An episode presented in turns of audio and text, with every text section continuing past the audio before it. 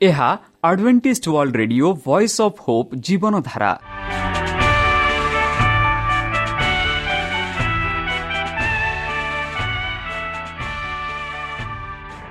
Odia radio କାର୍ଯ୍ୟକ୍ରମ ଯାହା ଆମର ଆନ୍ତର୍ଜାତୀୟ ଆଘାତ କେନ୍ଦ୍ରରୁ ପ୍ରସାରଣ କରାଯାଉଛି ପ୍ରତିଦିନ ରାତି ନଅଟା ତିରିଶ ମିନିଟ୍ରେ।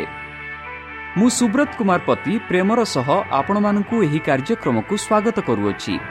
ଚାଲନ୍ତୁ ଆଜିର ତିରିଶ ମିନିଟ୍ର କାର୍ଯ୍ୟକ୍ରମ ବିଷୟରେ ଜାଣିନେବା। ପ୍ରଥମେ ରଖିଛୁ ଆଧ୍ୟାତ୍ମିକ ଭକ୍ତିମୟ ଗୀତ। ଏହାପରେ ଶୁଣିବା ସ୍ୱାସ୍ଥ୍ୟ ବିଷୟରେ ଯାହା ଆମର ଦୈନିକ ଜୀବନରେ ଅତ୍ୟନ୍ତ ଜରୁରୀ। ଆଉ ପରିଶେଷରେ ଶୁଣିବା ପରମେଶ୍ୱରଙ୍କ ଭକ୍ତଙ୍କଠାରୁ ଜୀବନଦାୟକ ଈଶ୍ୱରଙ୍କ ବାକ୍ୟ। ପ୍ରିୟ ଶ୍ରୋତା ତାହେଲେ ଚାଲନ୍ତୁ ଶୁଣିବା ଏକ ଆଧ୍ୟାତ୍ମିକ ଭକ୍ତିମୟ ଗୀତ।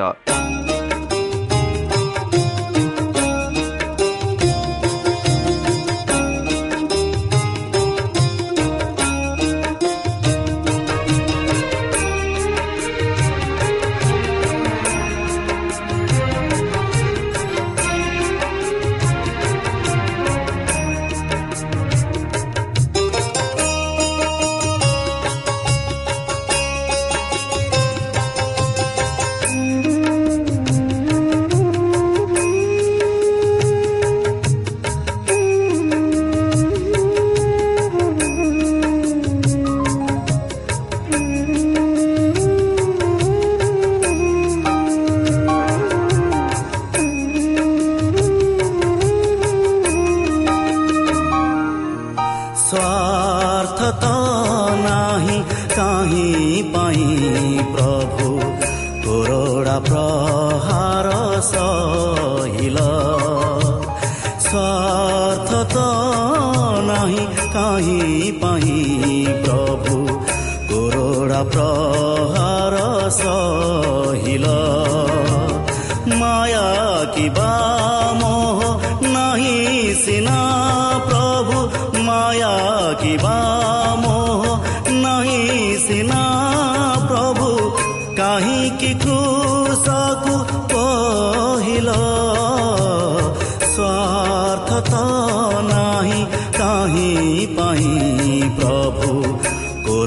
प्रहार सहिल। स्वार्थ त नाही काहीँ पाही प्रभु। कोरोडा प्रहार सहिल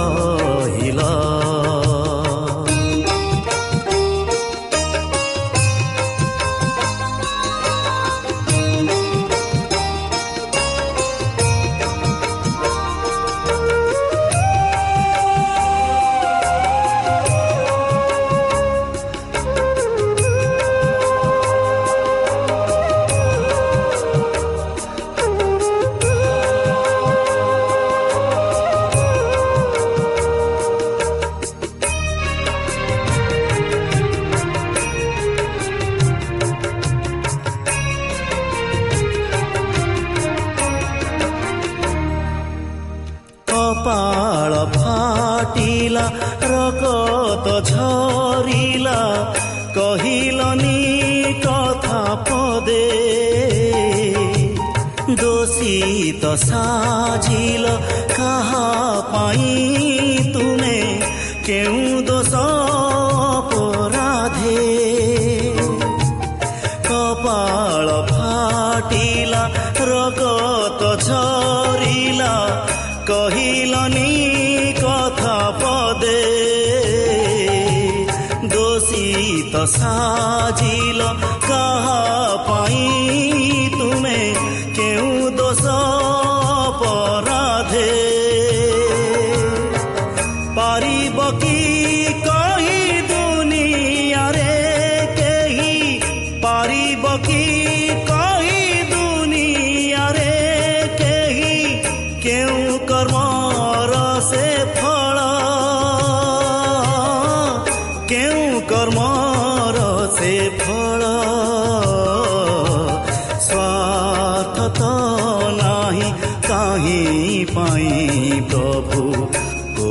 प्रहर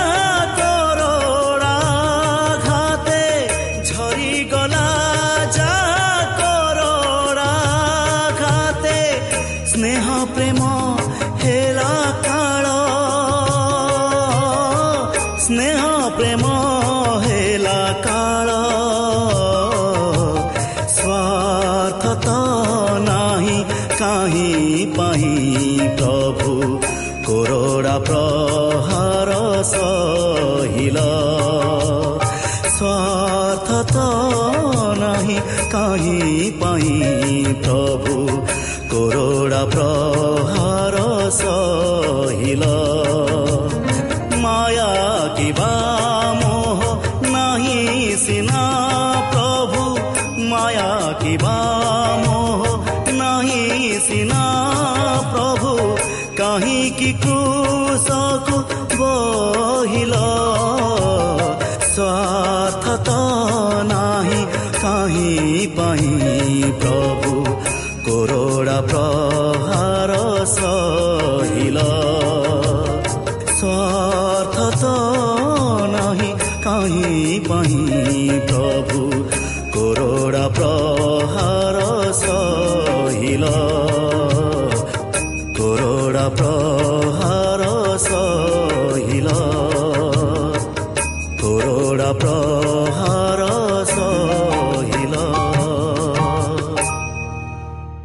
প্রিয় শ্রোতা আমি আশা କରୁଛୁ ଯେ ଆମର କାର୍ଯ୍ୟକ୍ରମ ଆପଣମାନଙ୍କୁ ପସନ୍ଦ ଲାଗୁଥିବ ଆପଣଙ୍କର ମତାମତ ଜଣାଇବା ପାଇଁ ଆମର ଏହି ଠିକଣାରେ ଯୋଗାଯୋଗ କରନ୍ତୁ ଆମ ଠିକଣା Adventist media centre SDA mission compound Salisbury park Pune ଚାରି ଏକ ଏକ ଶୂନ ତିନି ସାତ ମହାରାଷ୍ଟ୍ର ବା ଖୋଲନ୍ତୁ ଆମର ୱେବସାଇଟ୍ ଯେକୌଣସି android phone smartphone desktop laptop କିମ୍ବା ଟ୍ୟାବ୍ଲେଟ୍ ଆମର website W W W dot A W R dot O R G slash O R I ଏବଂ W W W dot Adventist media centre India dot O R G ବର୍ତ୍ତମାନ ଚାଲନ୍ତୁ ଶୁଣିବା ଈଶ୍ୱରଙ୍କ ଭକ୍ତଙ୍କଠାରୁ ଈଶ୍ୱରଙ୍କ ଜୀବନଦାୟକ ବାକ୍ୟ ନମସ୍କାର ପ୍ରିୟ ଶ୍ରୋତା ସେହି ସର୍ବଶକ୍ତି ସର୍ବଜ୍ଞାନୀ ପ୍ରେମର ସାଗର ଦୟାମୟ ଅନ୍ତର୍ଜମୀ ଅନୁଗ୍ରହ ପରମ ପିତାଙ୍କ ମଧୁର ନାମରେ ମୁଁ ପାଷ୍ଟ ପୂର୍ଣ୍ଣଚନ୍ଦ୍ର ଆଉ ଥରେ ଆପଣମାନଙ୍କୁ ଏହି କାର୍ଯ୍ୟକ୍ରମରେ ସ୍ୱାଗତ କରୁଅଛି। ପ୍ରିୟ ଶ୍ରୋତା ସେହି ସର୍ବଶକ୍ତି ପରମେଶ୍ୱର ଆପଣମାନଙ୍କୁ ଆଶୀର୍ବାଦ କରନ୍ତୁ। ଆପଣଙ୍କୁ ସମସ୍ତ ପ୍ରକାର ଦୁଃଖ କଷ୍ଟ ବାଧା କ୍ଲେଶ ଓ ରୋଗରୁ ଦୂରେଇ ରଖୁ। ବିଶେଷ ଭାବରେ ବର୍ତ୍ତମାନ ଯେଉଁ କରୁଣା ମହାମାରୀ ସାରା ପୃଥିବୀକୁ ଆପଣା ପ୍ରଭାବ ଦେଖାଉଅଛି ସେହି ପ୍ରଭାବରୁ ସେହି ପରମେଶ୍ୱର ଆପଣମାନଙ୍କୁ ସୁରକ୍ଷାରେ ରଖନ୍ତୁ। ତାହାଙ୍କ ପ୍ରେମ ତାହାଙ୍କ ସ୍ନେହ ତାହାଙ୍କ କୃପା ତାହାଙ୍କ ଶାନ୍ତି ଓ ତାହାଙ୍କ ଅନୁଗ୍ରହ ସଦାସର୍ବଦା ଆପଣଙ୍କଠାରେ ସହବର୍ତ୍ତୀ ରହୁ। ପ୍ରିୟସତା ଚାଲନ୍ତୁ ଆଜି ଆମ୍ଭେମାନେ କିଛି ସମୟ ପବିତ୍ର ଶାସ୍ତ୍ର ବାଇବଲଠୁ ତାହାଙ୍କ ଜୀବନଦାୟକ ବାକ୍ୟ ଧ୍ୟାନ କରିବା। ଆଜିର ଆଲୋଚନା ହେଉଛି ଯଦି ସେମାନେ ବିଶ୍ୱାସ କରିଥାନ୍ତେ ବା ଯଦି ସେମାନେ ଜହନଙ୍କୁ ବିଶ୍ୱାସ କରିଥାନ୍ତେ ଭାଗ ଦୁଇ। ଏହାର ଭାଗ ଏକ। ଗତକାଲି ଆମେ ଆଲୋଚନା କରିସାରିଛୁ। ଚାଲନ୍ତୁ ଏହି ଆଲୋଚନାକୁ ଆମେ ଆଗକୁ ବଢ଼େଇବା। ଯେପରି ଯୀଶୁଙ୍କ ଉପସ୍ଥିତି ସମସ୍ତ ଲୋକଙ୍କୁ ସମ୍ବୋଧିତ ହୋଇଥିଲା। କିନ୍ତୁ ଯାଜକମାନେ ଓ ଶାସକମାନେ ଉତ୍ତର ଦେଲେ ସେମାନେ କହିଲେ ସେ ଦୁଷ୍ଟ ଲୋକମାନଙ୍କ ଦୁଃଖରେ ବିନାଶ କରିବ ଏବଂ ଅନ୍ୟ ଦ୍ରାକ୍ଷା କ୍ଷେତ୍ରକୁ ଦ୍ରାକ୍ଷା କ୍ଷେତ୍ରକୁ ଛାଡ଼ିଦେବ। ଭକ୍ତମାନେ ପ୍ରଥମେ ଏହି ଦୃଷ୍ଟାନ୍ତର ପ୍ରୟୋଗକୁ ଅନୁଭବ କରିନଥିଲେ କିନ୍ତୁ ସେମାନେ ବର୍ତ୍ତମାନ ଦେଖିଲେ ଯେ ସେମାନେ ନିଜର ନିନ୍ଦା କରିଛନ୍ତି। ଏହି ଦୃଷ୍ଟାନ୍ତର ଘର ମାଲିକ ଈଶ୍ୱରଙ୍କ ଦ୍ରାକ୍ଷା କ୍ଷେତ୍ର ଜୁହୁଦୀ ଜାତିର ପ୍ରତିନିଧିତ୍ୱ କରୁଥିଲା ଏବଂ ଈଶ୍ୱରୀୟ ନିୟମମାନଙ୍କୁ କରିଥିଲେ ଯାହା ସେମାନଙ୍କ ସୁରକ୍ଷା ଥିଲା। ଏହି ଗଡ଼କଟି ମନ୍ଦିରର ପ୍ରତୀକ ଥିଲା। ଦ୍ରାକ୍ଷା କ୍ଷେତ୍ରର ପ୍ରଭୁ ଏହାର ସମୃଦ୍ଧତା ପାଇଁ ଆବଶ୍ୟକୀୟ ସମସ୍ତ କାର୍ଯ୍ୟ କରିଥିଲେ। ସେ କୁହନ୍ତି ମୋର ଦ୍ରାକ୍ଷା କ୍ଷେତ୍ରରେ ଅଧିକ କ'ଣ କରାଯାଇଥାନ୍ତା? ମୁଁ ଏହା ଏକ କରିନାହିଁ। ଏପରିକି ଭାବରେ ଇସ୍ରାଏଲ ପାଇଁ ଈଶ୍ୱରଙ୍କ ଅବାଧ୍ୟ ଯତ୍ନ ପ୍ରତିନିଧିତ୍ୱ କରିଥିଲା ଏବଂ ଯେପରି କୃଷକମାନେ ଦ୍ରାକ୍ଷାରଥର ଫଳର ଉପଯୁକ୍ତ ଅନୁପାବରେ ପ୍ରଭୁଙ୍କ ନିକଟକୁ ଫେରିବାକୁ ଯାଉଥିଲେ ସେହିପରି ଈଶ୍ୱରଙ୍କ ଲୋକମାନେ ସେମାନଙ୍କ ପବିତ୍ର ସୁବିଧା ଅନୁଆଇ ଜୀବନ ଦ୍ୱାରା ତାଙ୍କୁ ସମ୍ମାନିତ କରିବେ। କିନ୍ତୁ ଯେପରି କୃଷକମାନେ ସେମାନଙ୍କୁ ହତ୍ୟା କରିଥିଲେ ସେମାନଙ୍କୁ ମାଲିକ ସେମାନଙ୍କୁ ଫଳ ପାଇଁ ପଠାଇଥିଲେ ସେହିପରି ଯେଉଁଦୀମାନେ ସେହି ଭବିଷ୍ୟତ ଭକ୍ତମାନଙ୍କୁ ହତ୍ୟା କଲେ ଯାହାକୁ ଈଶ୍ୱରଙ୍କ ସେବକମାନଙ୍କୁ ସେମାନଙ୍କୁ ଅନୁତାପ କରିବାକୁ ଡାକିଲେ ସେ ହତ୍ୟା କରାଯାଇଥିବା ସେମାନେ ହତ୍ୟା କରାଯାଇଥିବା ଲୋକମାନଙ୍କୁ ଠାରେ ଅନୁତାପ କରିବାକୁ କହିଥିଲେ। ଏପର୍ଯ୍ୟନ୍ତ ଏହି ଦୃଷ୍ଟାନ୍ତର ପ୍ରୟୋଗ ଉପରେ ପ୍ରଶ୍ନ କରାଯାଇଥିଲା କରାଯାଇପାରିଲା ନାହିଁ ଏବଂ ଏହା ପରେ ଯାହା କମ୍ ସ୍ପଷ୍ଟ ହୋଇନଥିଲା। ପ୍ରିୟ ପୁତ୍ରରେ ଯାହାକୁ ଦ୍ରାକ୍ଷା କ୍ଷେତ୍ରର ପ୍ରଭୁ ଶେଷରେ ତାଙ୍କ ଆବଦ୍ଧ ସେବକମାନଙ୍କୁ ପଠାଇଲେ ଏବଂ ସେମାନେ କାହାକୁ ତେଣୁ ଯେଉଁଦୀମାନେ ସେହି ଭବିଷ୍ୟତ ଭକ୍ତମାନଙ୍କୁ ହତ୍ୟା କଲେ ଯାହାକୁ ଈଶ୍ୱର ସେମାନଙ୍କୁ ଅନୁତାପ କରିବାକୁ ଦୃଷ୍ଟାନ୍ତ ପ୍ରୟୋଗ ଉପରେ ପ୍ରଶ୍ନ କରାଯାଇ ପାରିଲା ନାହିଁ। ଏହା ଏବଂ ସ୍ପଷ୍ଟ ହୋଇଥିଲା ବନ୍ଧୁ ଯେପରି ପ୍ରିୟ ପୁତ୍ରକୁ ସେହି ପରମେଶ୍ୱର ପଠାଇଲେ।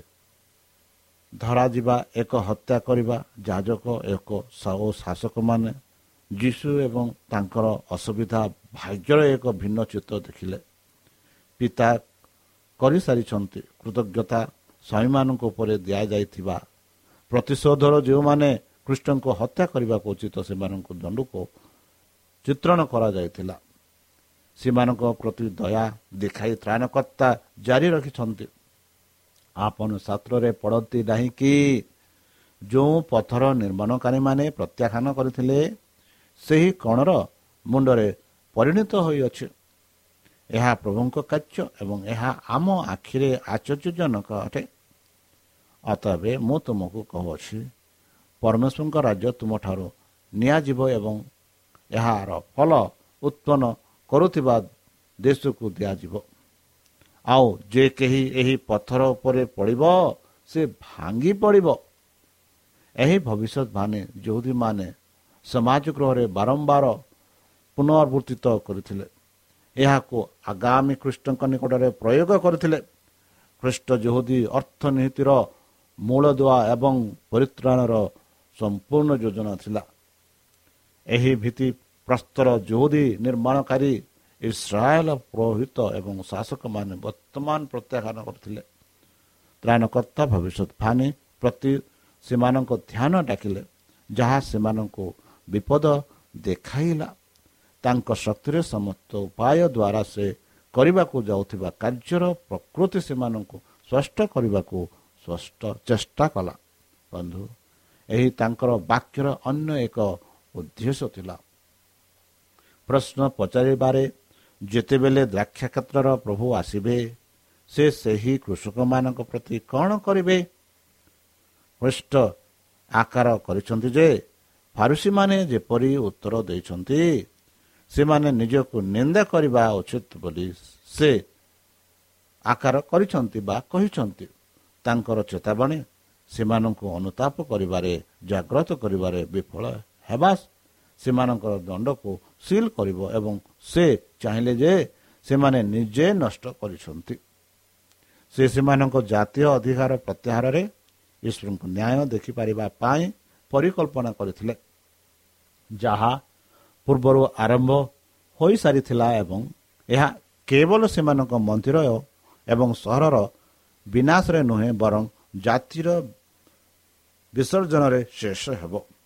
ବନ୍ଧୁ ଶ୍ରୋତାମାନେ ଚେତାବନୀକୁ ଚିହ୍ନିଲେ କିନ୍ତୁ ସେମାନେ ନିଜେ ଘୋଷଣା କରିଥିବା ବାକ୍ୟକୁ ଖାତିତ ନ କରି ପୁରୋହିତ ଏବଂ ଶାସକମାନ ଚିତ୍ର ପୂରଣ କରିବାକୁ ପ୍ରସ୍ତୁତ ଥିଲେ। ଏହା ହେଉଛି ଉତ୍ତର ଅଧିକାରୀ। ବା ଉତ୍ତରାଧିକାରୀ। ଆଉ ଆମ୍ଭେମାନେ ତାଙ୍କ ହତ୍ୟା କରିବା। କିନ୍ତୁ ଯେତେବେଳେ ସେମାନେ ତାଙ୍କ ଉପରେ ହାତ ରଖିବାକୁ ଚେଷ୍ଟା କଲେ ସେତେବେଳେ ସେମାନେ ଜନତାଙ୍କୁ ଭୟ କଲେ। ପ୍ରତ୍ୟାଖ୍ୟାନ ପଥର ଭବିଷ୍ୟତବାଣୀକୁ ଉଦୃଷ୍ଟ କରି ଖ୍ରୀଷ୍ଟ ଇସ୍ରାଏଲ ଇତିହାସର ଏକ ପ୍ରକୃତ ଘଟଣା ବିଷୟରେ ଉଲ୍ଲେଖ କରିଥିଲେ।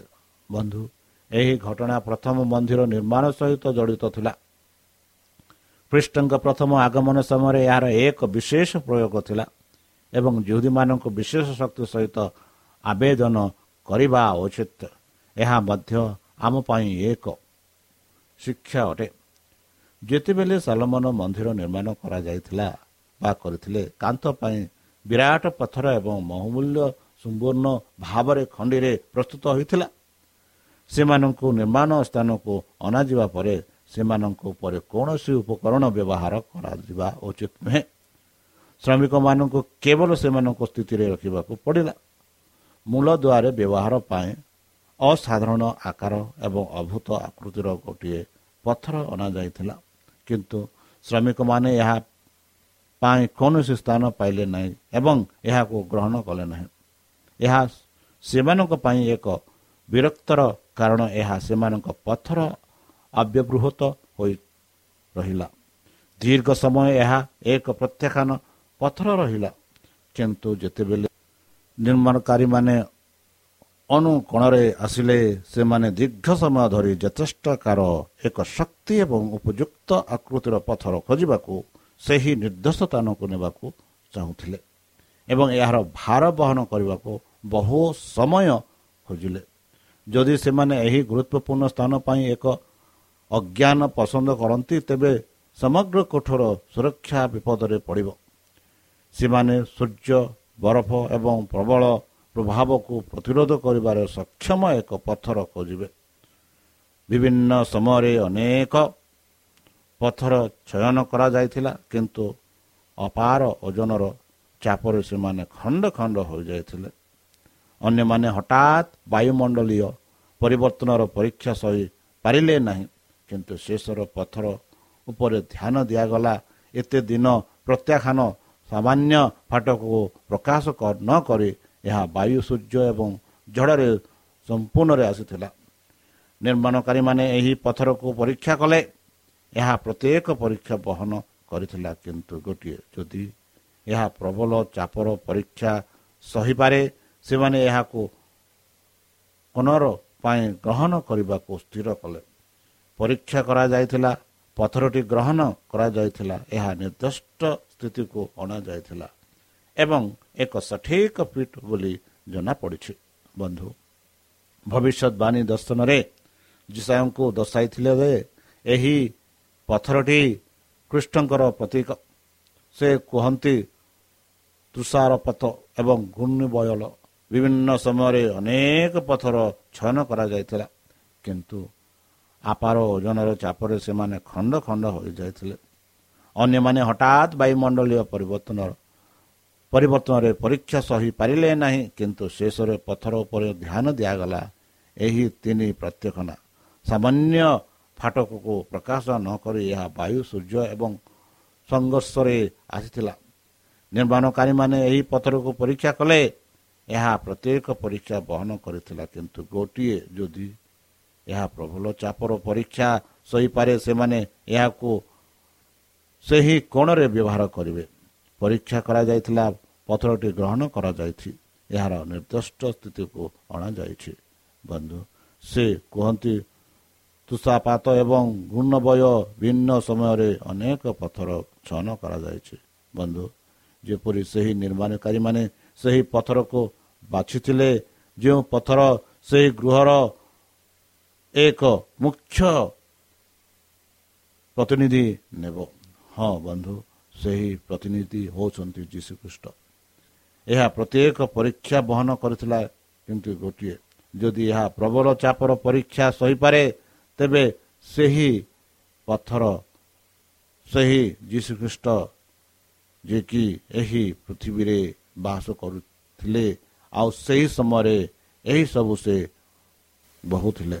ବନ୍ଧୁ ଯୀଶୁଖ୍ରୀଷ୍ଟ ଏହି ପୃଥିବୀକୁ ଆସିଲେ ଆଉ ତାଙ୍କ ଜୀବନରେ ଏହିପରି ସମସ୍ୟା ଘେରିଥିଲା ଯେଉଁଥିରେ ପ୍ରତ୍ୟେକ ମହତରେ ସଂଘର୍ଷରେ ବିପଦରେ ଶତ୍ରୁମାନଙ୍କଠାରେ ଘେରିଥିଲେ ଏହିସବୁ ସେହି ସଦାପ୍ରଭୁ ପରମେଶ୍ୱର ନିଜକୁ ତାଙ୍କ ପିତାଙ୍କ ସହ ସମର୍ପଣ କରି ଆଗକୁ ଚାଲିଥିଲେ ଲୋକଙ୍କ ସେବାରେ ଲୋକଙ୍କୁ କହିବାରେ ସ୍ୱସ୍ଥ କରିବାରେ ଏହି କାର୍ଯ୍ୟରେ ଯୀଶୁଖ୍ରୀଷ୍ଟ ନିଜକୁ ସମର୍ପିତ କରିଥିଲେ। ଯେଉଁ ପଥର ସବୁ ଝଡ଼ ସବୁ ଖରା ତାପରେ ନିଜକୁ ବଞ୍ଚାଇ ରଖିଛି ସେହି ପଥରକୁ ଆମେ କହିପାରିବା କି ସେହି ପଥର ହେଉଛି ସବୁଠୁ ଶକ୍ତିଶାଳୀ। ଯେଉଁ ପଥର ଯେଉଁ ମଣିଷ ଛୋଟ ଷଡ଼ଯନ୍ତ୍ରରେ ଛୋଟ ପରୀକ୍ଷାରେ ନିଜକୁ ସେହି ଷଡ଼ଯନ୍ତ୍ରରେ ବା ସେହି ପରୀକ୍ଷାରେ ନିୟନ୍ତ୍ରିତ କରେ ସେହି ବ୍ୟକ୍ତି କେବେ ହେଲେ ଦୃଢ଼ ହୋଇନପାରେ ଯଦି ଆମେ ସେହି ପଥର ପରି ଦୃଢ଼ ସେହି ପଥର ପରି ଶକ୍ତିଶାଳୀ ହେବାକୁ ଚାହୁଁଛୁ ତାହେଲେ ପ୍ରିୟସତା ଯୀଶୁ କହିଲେ ମୁଁ ସେହି ପଥ ସତ୍ୟ ଓ ଜୀବନ। ଯଦି ଯେ କେହି ମୋ ଦେଇ ଯିବେ ସେ ମୋ ପିତା ପାଖକୁ ପହଞ୍ଚିବେ ତାହେଲେ ପ୍ରିୟସତା ସେହି ଯୀଶୁ ଯିଏକି ଆମ ଜୀବନ ସତ୍ୟ ଆମ ପଥ ଯଦି ତାହାଙ୍କଠାରେ ଆମେ ବିଶ୍ୱାସ କରିବା ଯଦି ତାଙ୍କ ବାକ୍ୟ ଅନୁସାରେ ଆମେ ଚାଲିବା ଆମେ ନିରନ୍ତର କେବେ ହେଲେ ବିନାଶ ନ ହୋଇ ଅନନ୍ତ ଜୀବନ ପ୍ରାପ୍ତ ହେବା। ଯୀଶୁ ସେହି ପଥର ଯେବେ ଇସ୍ରାଏଲ ମାନେ ମିଶ୍ର ଦେଶରୁ କେନନ ଦେଶକୁ ଆସୁଥିଲେ ସେହି ପଥର ସେମାନଙ୍କୁ ସେହି କେନନ ଦେଶକୁ ଆଡ଼କୁ ନେଲେ। ଆଉ ସେହି ପଥର ସେମାନଙ୍କ ତୃଷାକୁ ସନ୍ତୁଷ୍ଟ କରିଥିଲା। ବନ୍ଧୁ ସେହି ଯୀଶୁଖ୍ରୀଷ୍ଟ ସେହି ଇସ୍ରାଏଲ ମାନଙ୍କୁ ମିଶ୍ର ଦେଶରୁ କେନନ ଦେଶକୁ ସୁରକ୍ଷା ଭାବରେ ନେଇଥିଲେ। ଆଉ ସେହି ପରମେଶ୍ୱର ବର୍ତ୍ତମାନ ମାନଙ୍କୁ କହୁଛନ୍ତି ହେ ମୋର ବନ୍ଧୁ ହେ ମୋର ସନ୍ତାନ ଆସନ୍ତୁ। ମୁଁ ତୁମମାନଙ୍କୁ ବିଶ୍ରାମ ଦେବି। ତାହେଲେ ପ୍ରିୟ ସୋତା ଚାଲନ୍ତୁ। ଯୀଶୁଖ୍ରୀଷ୍ଟ ଯିଏକି ଆମମାନଙ୍କ ସୁରକ୍ଷା ଆମମାନଙ୍କ ମାର୍ଗ ତାଙ୍କଠାରେ ଆମେ ବିଶ୍ୱାସ କରି ନିଜକୁ ସମର୍ପଣ କରି ତାହାଙ୍କ ମଧୁର ନାମରେ ଆମେ ପ୍ରାର୍ଥନା କରିବା। ହେ ଆମମାନଙ୍କ ସର୍ବଶକ୍ତି ସର୍ବଜ୍ଞାନୀ ପ୍ରେମର ସାଗର ଦୟାମୟ ଅନ୍ତର୍ଜମୀ ଅନୁଗ୍ରହ ପିତା ଧନ୍ୟବାଦ ଅର୍ପଣ କରୁଅଛି ପ୍ରଭୁ। ବର୍ତ୍ତମାନ ଯେଉଁ ବାକ୍ୟ ଶୁଣାଇବା ପାଇଁ ଏହି ସମୟମାନଙ୍କୁ ଦେଇଥିଲ ତୁମ ସେହି ଶ୍ରୋତାମାନଙ୍କୁ ଆଶୀର୍ବାଦ କର। ସମସ୍ତ ପ୍ରକାର ଦୁଃଖ କଷ୍ଟରୁ ସେମାନଙ୍କୁ ସୁରକ୍ଷାରେ ରଖ। ସେମାନଙ୍କ ପାପ ତୁମ ସେହି ବହୁମୂଲ୍ୟ ରକ୍ତରେ ପରିଷ୍କାର କରି ଧରି ଦିଅ ବର୍ତ୍ତମାନ ଯେଉଁ ସମୟରେ ଆମେ ବାସ କରୁଛୁ ପ୍ରଭୁ ଏହି ସମୟ ଯେଉଁଥିରେ ସମସ୍ତେ କରୋନା ମହାମାରୀରେ ଭୟଭୀତ ହେଉଛନ୍ତି ଆକ୍ରାନ୍ତିତ ହୋଇଛନ୍ତି ସେମାନଙ୍କୁ ସୁରକ୍ଷାରେ ରଖ। ଆଉ ପରିଶେଷ ଦେବେ ତୁମେ ତୁମ ସେହି ସହସ୍ର ଦୂତଙ୍କ ସହ। ଆପଣ ସାଧୁମାନଙ୍କୁ ସଂଗ୍ରହ ନିମନ୍ତେ ଆସିବେ। ହେ ପରମେଶ୍ୱର ସେତେବେଳେ ଆମମାନଙ୍କୁ ଏକ ବାସସ୍ଥାନ ଦିଅ ବୋଲି ତ୍ରାଣକର୍ତ୍ତା ପ୍ରଭୁ ଯୀଶୁଙ୍କ ମଧୁରମୟ ନାମରେ ଏହି ଛୋଟ ବିକ୍ଷମ ଅଛି ଶୁଣି ଗ୍ରହଣ କର। ଆମେନ୍।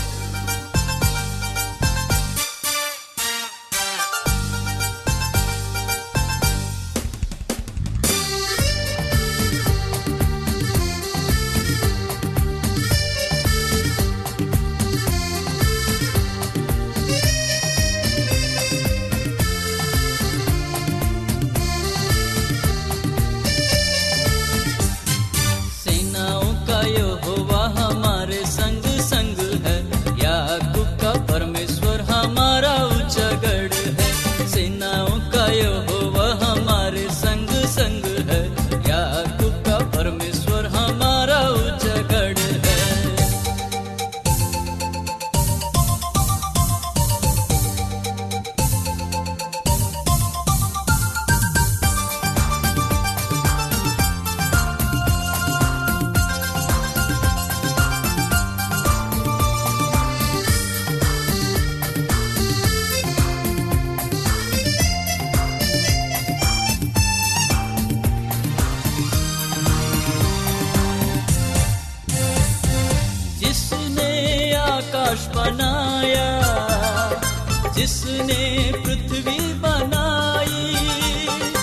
जिसने आकाश बनाया, जिसने पृथ्वी बनाई, जो सर्वशक्तिमान प्रभु है, वो यो यहोवा हमारे संग संग है, जो सर्वशक्तिमान प्रभु है।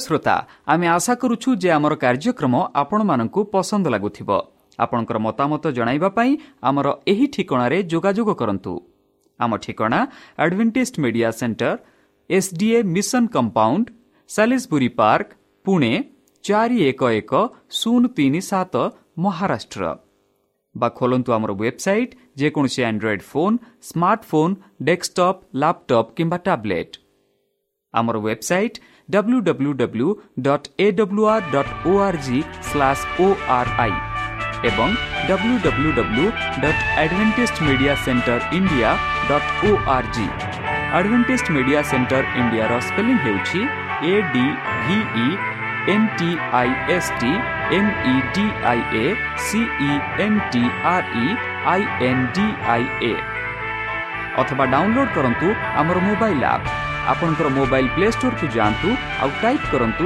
ଦ ଭଏସ୍ ଅଫ୍ ପୋପ୍ ଆଉ ଡାଉନଲୋଡ୍ କରନ୍ତୁ। ଈଶ୍ୱର ଆପଣଙ୍କୁ ଆଶୀର୍ବାଦ କରନ୍ତୁ। ଧନ୍ୟବାଦ।